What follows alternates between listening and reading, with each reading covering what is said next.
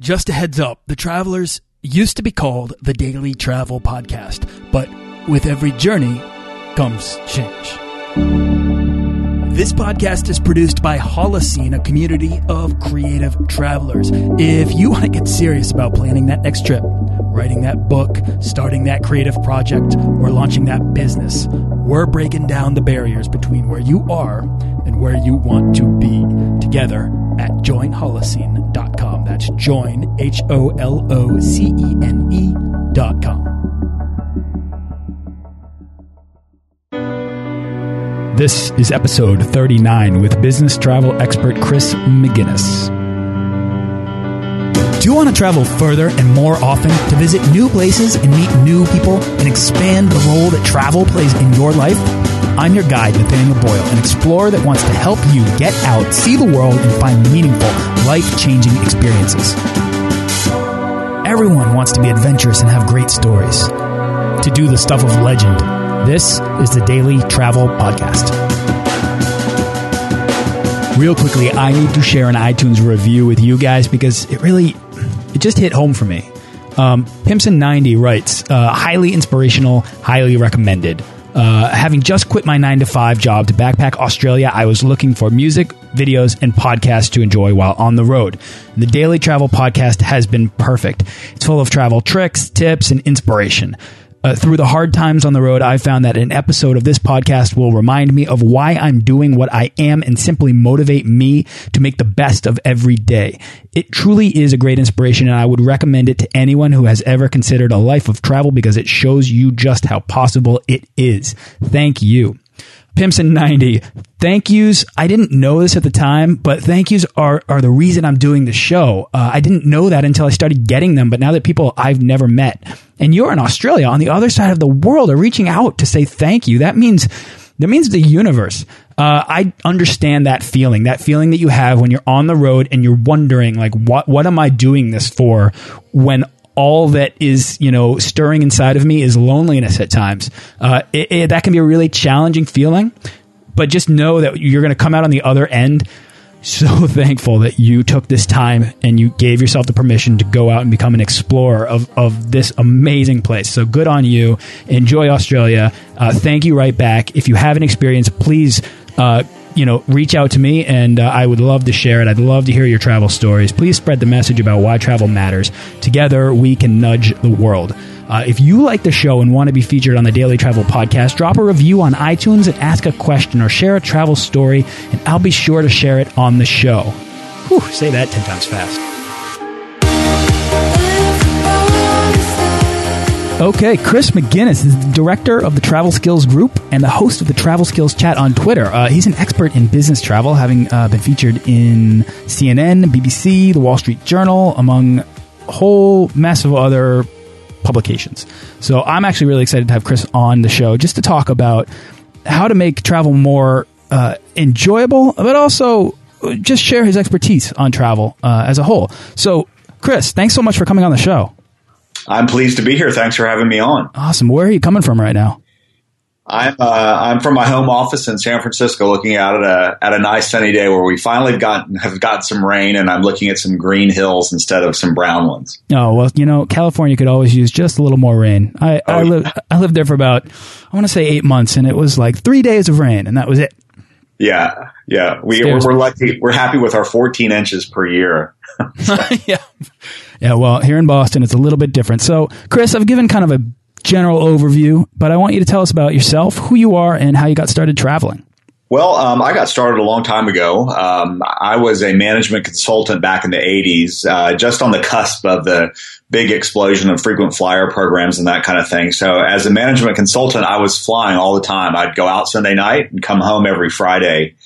And so I built up uh, quite a lot of miles and started to learn a lot about the travel industry and was one of the first people in my company to really gravitate toward frequent flyer programs. And I became sort of the guru in the company. And, um, as a consultant, I was also a trainer. And so I came up with a training module to, to teach people how to be better business travelers because at our company, a lot of people quit because of the travel. It was too stressful. They didn't like it. It was too much. And so I said, well, you know, you teach these people how to do it right and you might you know, hold on to them for a bit longer. So um, I launched a, a, training program internally at this company, and it did very well. And uh, I worked for the company for another year or two, and then I decided I'm going to start. I'm going to do this on my own. So I've I quit that company and I started uh, Travel Skills Group, which is the name of my company now, which has kind of turned into an umbrella organization for everything that I do. Um, so I started out training people how to be better business travelers, but it really kind of morphed into a, a, a media type job where I was uh, in Atlanta. I was uh, when, I started the company, uh, the Atlanta Journal Constitution asked me to start writing a column about business travel, which was in uh, around 1991, and um, it was a very popular column. And because CNN is based in Atlanta, a lot of the uh, folks in the travel news unit at CNN would read my column and they started asking asking me to come in and appear on the air to talk about business or business travel or just travel trends. And I ended up with a gig on CNN that lasted for on and off for about 10 years and started writing uh, for Fortune magazine and wrote a couple books about business travel and it just kind of continued on and on from there. It used to be, Chris, that in order to uh, get really good at frequent flyer miles or points, you you used to you really needed to know someone who could help you and could kind of teach you the way. Nowadays, in the internet, it's kind of uh, it's a lot more accessible. I think the information is out there. So uh, you were kind of one of those people that people could turn to in order to, in order to really learn how to uh, use points and miles to their advantage. Yep, that, I mean that it's you know one example of how the internet has just changed everything. Um, and it's definitely changed, uh, you know, travel advice and travel writing. And that, you know, when I started out in the 1990s, uh, there was no such thing as, you know, online websites or online booking or blogs or anything like that. Um, and there were only a few people around the country that had columns in big newspapers or in USA Today that were kind of the the key purveyors of this information. And of course, you know, once the internet came on in the er, er, around the you know well the early 2000s. Uh, that all changed and everyone started blogs and you know you could book airline tickets online and it, it, you know it all kind of changed and flattened it out so there was not um, there was not as much need for the few key people. Everybody became an expert. The internet became the travel expert. All you needed was a connection to the internet to be a, a travel expert. You didn't need special people like me anymore you come from this world and you've kind of developed your expertise and your your consulting skills uh, in a place in which only a few people are really writing about travel and points and miles are like expiring left and right because no one knows what to do. Uh, how did you manage to stay relevant as the internet came around and, and this became kind of like democratized information? Yeah, well, I you know I, what I tried to do was uh, stick to a, a, niche, and so I was I was you know I stuck to the business travel niche, and there weren't a lot of people that were doing that at the time, and there's still not a lot of people that that cover business travel. Um, it's just not as sexy as leisure travel, and you're not talking about you know the best spas in Costa Rica or you know hiking in Burma and that kind of thing. You're talking about you know the the newest hotels in New York and how to get from uh, you know London to Hamburg. Uh, you know, should you take the plane or the train? That kind of stuff. So um, it's it's not as uh, it's not as sexy, but it, but it, but by specializing, I think I've been able to you know preserve my my my expertise and and stay relevant. And now, did you did you find yourself traveling more often as a result of your consulting, or is this something that you just started doing for in one place and uh, uh, kind of learning from there? Yeah, well, you know, I think the ironic thing about travel writing is that you know t- to really make a business out of it, to you know to to support yourself as a travel writer, it requires a lot of time in the office and and and not as much time on the road as you would think. Um, because when you're on the road, you're spending money and you're spending time. Uh, you're not really making money. You're really making money when you're back in the office, cranking out the content, working on a consulting deal, selling yourself to your next client, and that kind of thing. So, um, so I, you know, I balance it out. I would say that I travel probably half the time and sit at my desk working uh, the other half of the time. And a lot of the times when I'm traveling, I'm sitting in my airplane seat or at a hotel looking out the window, wishing I could be out in this wonderful place that I am, but actually having to sit there and write because um, I'm one of those people that that has you know kind of done the entrepreneurial thing and and you know writing and consulting about travel is all I do, and I've I've got to make a living at it. It's not a hobby. Right, and that's sort of that. That's sort of the paradox of of travel blogging, travel writing. Uh, in my case, travel podcasting. You almost you need to be uh, you need to be kind of stationary in one place in order to really put together that content, really really put together that valuable information and be productive at a productive right. level, right? And unfortunately, right. a lot of your readers want to be inspired by your travel. So, and your expertise, I think, comes from comes from all the traveling you do. Right, right. It, it is sort of a catch 22, but you know, I've, I've lived with it for 25 years and, and things are going well. I'm making a, uh, a good living, I think, and I get to get out and travel every now and then and, you know, go, go to some very interesting places and, um, it's all kind of worked out. Yeah, that's great. Now, are you able to, uh, do you find that people, when they travel for business, they ever travel, uh, do they ever come to you with questions about kind of strange places to go, like exotic trips for business? Or you, yeah. Or, that, that's one of the things that that is wonderful about business travel is that it you know it, it opens up your eyes to new places that you may not have necessarily gone to on vacation. So you know if you if if you're sent on business to uh, Germany, which doesn't sound all that exciting, you know you may end up you know learning about uh, German beers down in in in the southern part of Germany or exploring the Christmas markets if you're there uh, during the cold winter months. Um, you know, one of the key things and the most important things you can do as a frequent business traveler is to use the travel that's been given to you by your company to as a as a stepping stone to you know your own travel, making making a long weekend if you can, if you've, you know, you've gotten your, your business class flight to Europe or to Asia and you don't necessarily have to fly right back home, but, you know, enjoy it while you're there and, and extend your trip or bring along your spouse and, you know, have them meet you after your business is over and, and have a good time wherever you are.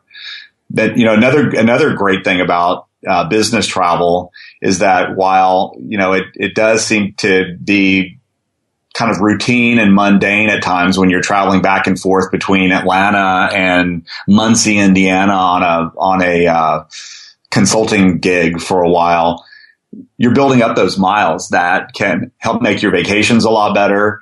Um, it can help make your business travel a lot better by helping you with upgrades and that kind of thing. So, so that's a good question, for, I think, for people that are listening, because business travel is a is a really great way to sort of uh, maximize your your opportunity to earn, and and uh, there probably you probably have a lot of tips about optimizing the way in which people earn points and miles through business travel. Can you share some of those tips? Yeah, well, you know, it's sort of changing now that we're seeing a lot of the airlines are moving to these uh, revenue-based programs and that kind of stuff. So, um, you know, there's a whole new set of travel skills that people are going to need to to learn to deal with this new reality of of mileage uh, kind of going away. You know, the, the, the programs, or at least Deltas for now, is no longer based on how far you fly. It's based on how much you spend.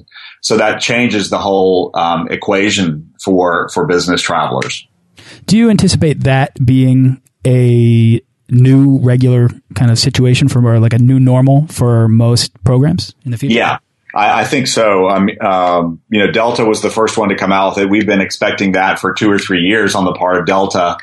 And um, almost every move that Delta has made in regard to its frequent flyer program over the last year has been mimicked by United almost to the letter. So I, I expect United to follow suit here, you know, sometime this year.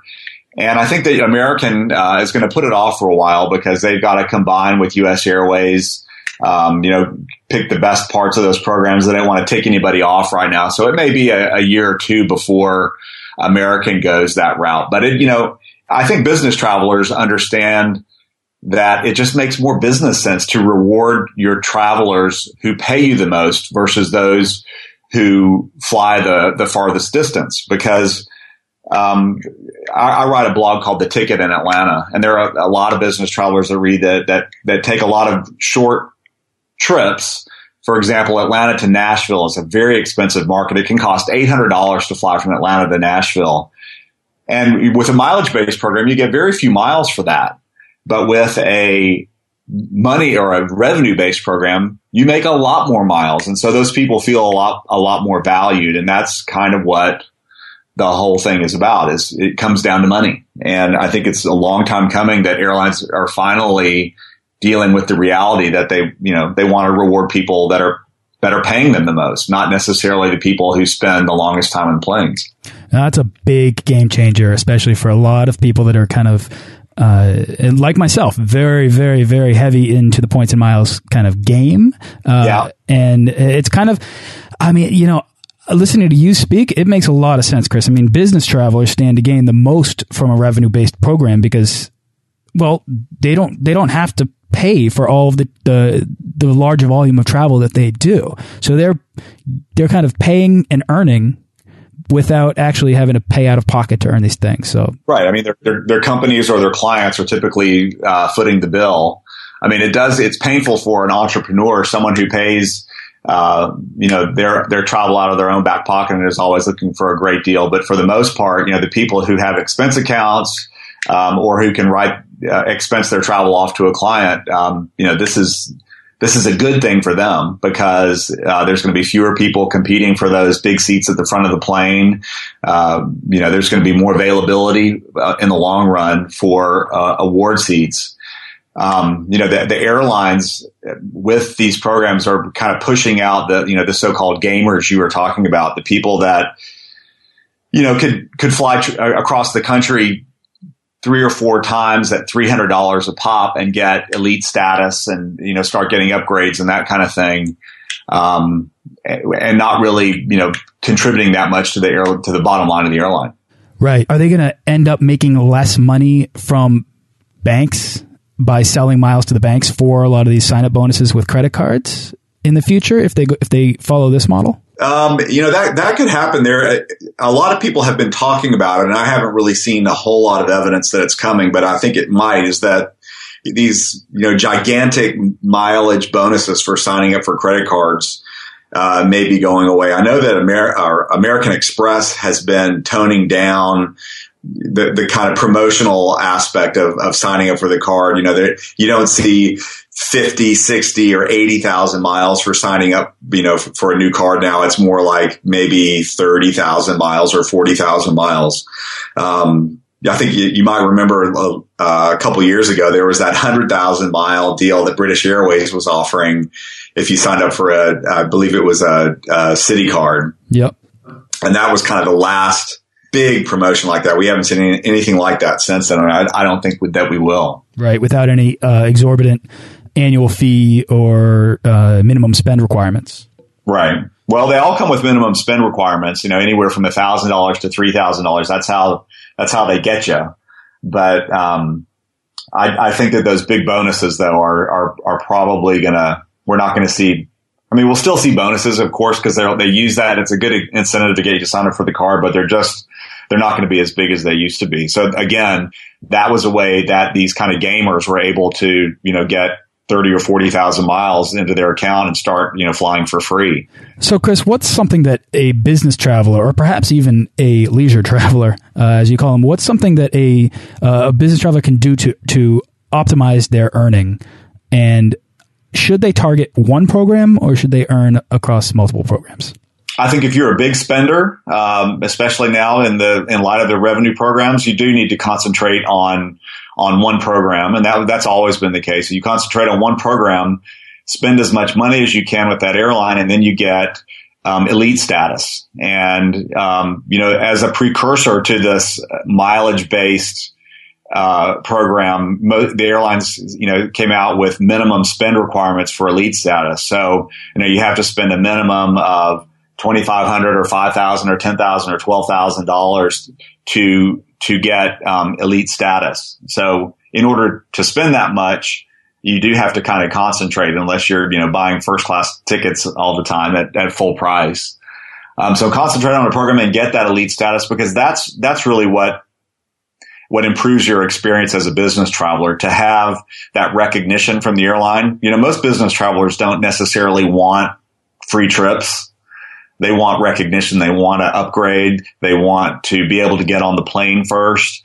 Uh, they want a special uh, 800 number to call so they don't have to kind of wait in line with everybody else, that kind of thing. A special, a special check-in line, uh, you know, special access at security. That's what makes uh, business travel a lot more pleasant is to have that is to have the status, not so much you know the the free miles, which is what the kind of gamer non business travelers were really going for. That's right. Yeah. I mean, a lot of the time I advocate to the people that I talk to and help get miles. A lot of them come at me and they ask, Oh, what about elite status? How do I get that? And I say, well, kind of wait until that's kind of an intermediate step. You know, once you kind of familiarize yourself with earning and redeeming in that whole process, then go after elite status. Um, and that's usually what I tell them. Uh, business travelers are a different beast uh, because they're going to put in the time and they're going to put in the energy, and they also have somebody kind of bankrolling their travel. Um, That's right. And that to me is it's kind of a, a perfect storm. You know, it was interesting uh, last year when the airlines came out with these minimum spend requirements for elite status. Uh, you know, there were howls from people who, you know, were paying, you know, the, the, the, people that were paying, you know, 100 or 200 or $300 for all these round trips and getting elite status that way. They were ticked off. But then you talk to the frequent business travelers who easily spend $10,000 a year with Delta or United or whatever. And they were like, this is no problem. You know, I easily spend that much. It's, you know, they could, they could care less. It was interesting the dichotomy between those two groups. All right, Chris. So let's move ahead now to the point of the show where we're going to boil the how and the why of travel down into pragmatic advice. Uh, I'm pretty sure this is going to be right in your wheelhouse. So I'm going to come at you with a series of questions and just come back at me with some great answers. Are you ready? All right, let's give it a go. Okay, here we go. for a lot of people, taking that first step out the door can be the hardest part of travel. So, what's your advice for anyone dreaming to take that first step to becoming a world traveler? Let's see here. Well, I think the, the most important thing you can do is do your research ahead of time uh, before you go to a new country. Um, try to learn a few uh, key phrases in in the local language. It you know it just goes so far uh, in helping you kind of bridge the gap between cultures. Uh, when you step into a new country and you can say hello or goodbye or thank you or excuse me or name the president of that country or ask a pertinent question about a current event. Um, this is particularly true when you go to you know, a country that that seems to scare away a lot of people is France. Um, I found that when you go to France, if you speak French first, even though it may be horrible, if you if, if you speak French first, they immediately like you a lot better than if you automatically speak English and expect them to respond uh, in English. That's what that's what ticks off a Frenchman is the, the assumption that they speak English. Even though they may speak it perfectly, they want you to speak French first. So if you go to a country and can step in and, and, and have a, a, you know, a command of a few words, you'll, you'll, you'll definitely endear yourself to them. Yeah. So do your, you know, so do your research and, you know, not, not only does that include language, but, you know, learn about the background of the country, learn as much as you can before you go, because when you're, when you're there, you're kind of absorbing and, and, and checking things out um, but I guess the opposite advice of that too is sometimes you need to just go to a country and see what happens. Um, a lot of times you can have some of the best trips that way. Um, you know, you just put on a backpack and go and see what happens when you get there and you meet new friends that way. You make a lot of mistakes, but uh, a lot of times, uh, you know, you can have a great time. And I think that that's probably, that appeals, that approach appeals more to a leisure traveler than a business traveler. I think that's true. I think that uh, there's a definite, a, definitely a balance between kind of knowing enough about a country so that you're putting yourself in the optimal position to absorb and understand what's happening to you and mm -hmm. what's happening around you, uh, and then at the same time, you don't want to kind of over research so that when you get there, you're not You'd rather learn by experiencing it rather than from a book. Exactly. You know, I, I, remember my first trip to Europe back in the early 80s with a backpack on my back right out of college. Um, I spent six months working as a waiter at Bennigan's in Atlanta to to pay for that trip. And every single night I would go home and plan my itinerary. I, you know, I was going to do this and go here for three days and then take the train here and then I was going to hitchhike there. And I had it all down pat exactly what I was going to do. I was going to see all of Europe in four months and I had this much money. And uh, I got there and that lasted about two weeks. and you know, I was like, no, no, no. You know, there's way too many other things I'm, you know, discovering when I'm here, and you know, these people want me to travel with them here, and I've just learned about this new hostel there, and uh, you know, so I threw the itinerary out and just sort of, uh, yeah, had had a good time, and I think that that was a, a great way to to see Europe. I had no idea that I was going to run into you know so many new and interesting people that were going to lead me off my my well planned path. I had the exact same experience. Exact same experience. It just you can you can touch down in a country and have a plan for the next like you know whether it's a week or a month. Uh, but if you let the people that you meet guide your decisions and your next steps, you can have an unforgettable time, and that can really change your life. Yep. All right, Chris. The biggest hurdle for most people who want to travel more is cost. So, do you have a secret money saving tip or travel hack? Yeah, uh, the, it's not that big of a secret, but the most uh, the easiest way, um, if you have flexibility, is to travel during uh, the so-called dead weeks. You know, the the quietest times of the year. Um, and I was just writing about this for the San Francisco Chronicle. We are looking at an interesting uh, travel pattern as we approach uh, spring break this year. So spring break, we're right in the midst of it right now. In mid in mid March is you know is spring break. Um, Easter this year comes on April 20th, which is very late. So typically they're kind of jammed close together and it's very expensive to travel uh, during the spring break period. But since it's all spread out, there's a window in early April where there's some actual really good deals if you want to travel during that time. Um, the next time that there's a very slow period is after Easter and just before the peak summer travel season. So if you can travel in May instead of in June or July, especially if you're going to Europe, you're going to save, you know, half or more on airfare. Uh, air, airfare in, in, in May is very inexpensive, but you hit July and August. And uh, I'm afraid this year, you know, with demand being up, with the economy being up, we're going to see European airfares from the U.S close to you know two thousand um, dollars. If you want wow. to go in, in in July or August, it's going to be very expensive. And then continuing on about the the the, uh, the slow periods. Um, right before Thanksgiving is also a very slow time. Uh, you know, everyone's kind of gearing up for Thanksgiving and Christmas, so, so, nobody travels. And this is a very good time to get a great deal on a cruise. Uh, early November is great time. And then the deepest, the, the deepest discounts you'll find, um, are right between Thanksgiving and Christmas. So December 1st until about December 20th. It's, I mean, it is the, the cheapest time of year to travel because everyone's already, you know, done their Thanksgiving trip. They're looking forward to their Christmas trip and travel demand really falls off. So there's tons of last minute deals all over the place um, if you can travel uh, in that two week period in early December. And then the same thing happens right after Christmas, right after New Year's, the first two weeks of January. Um, you know, that's when you can fly to Europe for $500 from the East Coast versus $2,000 in July. That's a big difference maker for people that are not just, you know, uh, not just looking to maybe take a week or, or, find that right time to squeeze in their, their week vacation, but also for like backpackers. If you're planning a long term travel, plan your plan your your departure uh, within those periods and yeah. uh, make that your target. Yeah, definitely. I mean, that's what I did when I when I took my first trip to Europe. I left in May and I came back in late September. There you and, go. You know, I think I did it for like seven hundred dollars, but that was a long time ago on Sabena Airlines, which doesn't even exist anymore. I can't tell you that I've ever heard of that.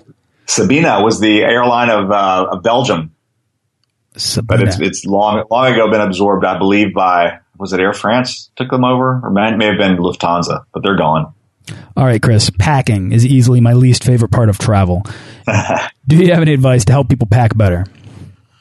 Um, I, I, think that people, a lot of people obsess over making sure they have absolutely everything they need in their bag before they go. Um, and the, you know, the reality is that in most industrialized countries, you can get whatever you forget. So don't, don't stress over packing, you know, prior to your trip. You know, you might need a new pair of pants or a pair of socks, or you might forget a toothbrush. Um, you know, don't worry about that. And as a matter of fact, buying something or, or, you know, having uh, a goal in mind when you get to a destination, like, oh gosh, you know, I forgot to bring uh, a pair of dress pants. Well, you've got something that you need to do in, in, in your new destination that kind of helps you explore and find, you know, where the good stores are, that kind of thing. That's a pretty authentic experience right there, going clothes shopping in a, in a foreign country. Yeah. I, I did that one time. I, uh, Continental Airlines lost my bag on the way to London and I had a, an important meeting the following day and I, you know, complained to them about it and they said, well, here, they wrote me a check for 80 pounds and said, go buy some clothes. And, uh, so I went, uh, you know, into London and, and learned about buying clothes in London and, you know, got a belt that I still have to this day and remember fondly every time I put it on. It's interesting how that kind of stuff happens. Yeah, there you go. All right. Chris, do you have a favorite internet travel tool or resource? Gosh, you know, I, I, I get asked this question a lot. People always say, what's the best site for getting the best deals? And if I had the answer to that question, I would have invested in that site a long time ago and become a millionaire. um, there, you know, there is not one single best website. Uh, there's, you know, you, you, just have to do your homework and, uh, you know, check around and, you know, find what, you know, what basically find what's what seems to be the you know the best the going rate for you know the time and the destination that you want and then go directly to the the supplier site to to make that booking. So you know you can use kayak or expedia or, or whatever to to find the, the uh, a, a, good deal uh, or at least to know you know if if uh, $350 round trip is a good deal or not and then actually go to the airline site to make that booking Hey, Chris, do you have a favorite travel book? Well, of course, my two travel books that I wrote back in 1994 and 1998, yeah. the unofficial, the unofficial business traveler pocket guides. Um, they were published by McGraw Hill back then, and uh, those so those would be my favorite books since I spent so much time writing them and selling them. Definitely close to the heart. Uh, yeah. um, uh, and then my favorite travel books now, gosh, you know, you know what happened is, you know, I, I wrote those books in the 90s, which 90s, which was the tail end of, of the kind of, you know, period where people actually bought and read travel books. After the 1990s, everything went to the internet. And the, you know, the beauty of the internet is you can, it's, it's, you can constantly update it. You can, you know, get rid of old information. If phone numbers change or addresses change or a place closes down, all of which are key attributes of travel writing. You can just change it online um, you know, in the old days of, of travel books, as you know, by the time you wrote the book, it was it was uh, edited and published. It was already out of date because that process took anywhere from six to nine months, and there was a lot of of uh, you know old information in a travel book. So there's I don't think there's really any great travel books out there anymore. It's all it's it's all online. So if you can download a book onto your iPhone or iPad, that kind of thing is is is more important than than you know carrying around a book. And the one that I typically carry the most is the Lonely Lonely Planet guides. I think they're currently the you know the most helpful. Right. So, well, do you have a favorite piece of travel gear that you take everywhere you go? Perhaps like a Kindle. I don't. I, am I'm, I'm an iPad guy, so I've not gotten a Kindle. Although I'm jealous. I, I see people reading them, and it just looks so easy on a plane. It looks easier than hauling out my iPad, and it, the iPad seems a little bit too bright and the Kindles just look really easy. But um, still, I don't want to have another thing to carry, so I'm an iPad guy. But the thing that I that has changed my uh, the way that I travel most uh, recently has been uh, it's kind of embarrassing to say, but it's my wheelie bag. Um, I got one of those four wheeled bags that I kind of sniffed at when they first came out and thought, oh, those are just for you know armchair travelers, and no one really uses that and all that. And I went to a luggage store. Actually, was writing a, an article about a, a fellow here in San Francisco who's has one of the few la- independent luggage stores, and he convinced me to give uh, one of these uh, Briggs and Riley wheelie, you know, four wheel bags a try, and um, gave me a good discount. And so I bought one, and it's the best thing I've ever had. It just you know follows me all over the place. You can just kind of push it along at the airport. It works very well on terrazzo or hard floors, not so well on carpet, but it's just made hauling around my carry on that much easier. And, you know, going back to a few tips there, you're asking what, what are some of the most important things you can do as a traveler is to learn how to live out of a carry on is one of them. Yes. And, and I've done that. And so my carry on bag is my lifeblood when I'm on the trip. And, you know, I can live for a week or a month out of a carry on now, but, um, having those four wheels on that bag has really made it easier to tote around, I have to say. Yeah, I never check bags anymore. I mean, any uh, unless I'm bringing someone a gift, uh, that's liquid, I'm not going to check bag. I just I will live out of my carry on no matter what at all costs. And it's really great when you find a bag that you love because that that can make packing more fun and uh, Yep. and and uh, and it can really simplify mm, kind of streamline your travel process because you've got you know what you're dealing with every time. Exactly. Exactly. All right, Chris, last question here. What's the weirdest thing you've ever eaten? Oh my goodness. Let's see here. You know, it's a good, good question. Eating is such an integral part of the travel experience. Um, Yeah, we love our food here. oh, but, but you know, we love it here. But then I, I think that probably the most unusual eating experience I ever had was in China. Um, you know, a lot of people, you think that you you've had Chinese food here and you're going to go to China and, you know, you're going to be able to get, you know, the, the same, the same things you get at the local Chinese restaurant is, well, you'll be able to get those things in China. And my goodness, is it ever different? So, the the first time I went to China, I had a colleague that lived over there, a, a fellow travel writer, and she hosted me know, after I'd landed in Shanghai. And uh, I was kind of jet lagged and tired, but she had made reservations at this restaurant that she was very proud of, and it was a restaurant that Bill Clinton had actually gone to when he visited Shanghai. And we went, and uh, it was very nice. And we went in and sat down. We were at this table, and you could look in. There was a glass top table, and you could look in and see an aquarium underneath you with fish swimming around, and it was very interesting. And so she had all these different dishes delivered to the table, some of which were, um, you know, sort of uh, recognizable, but there were a few uh, that that really kind of freaked me out. One was uh, what I was really hungry, and so this this this plate came, and it looked like it was sort of like clear noodles. I thought it was lo- sort of like glass noodles that you've seen over here. And I got I took a big heaping helping of that and started to eat it, and it had this weird kind of texture, crunchiness to it that I didn't really get. And I'm like, what is that? And you know, what kind of noodle is that? She's like, it's not a noodle. That's jellyfish. Jellyfish. I knew it. jellyfish. And I was like, oh, okay. And I swallowed that down. And then the next thing I started to eat, it looked like, um, like a mushroom. And, uh, so I started eating it and it tasted a little funny, but again, had a funny texture. And I was like, is this a, a mushroom?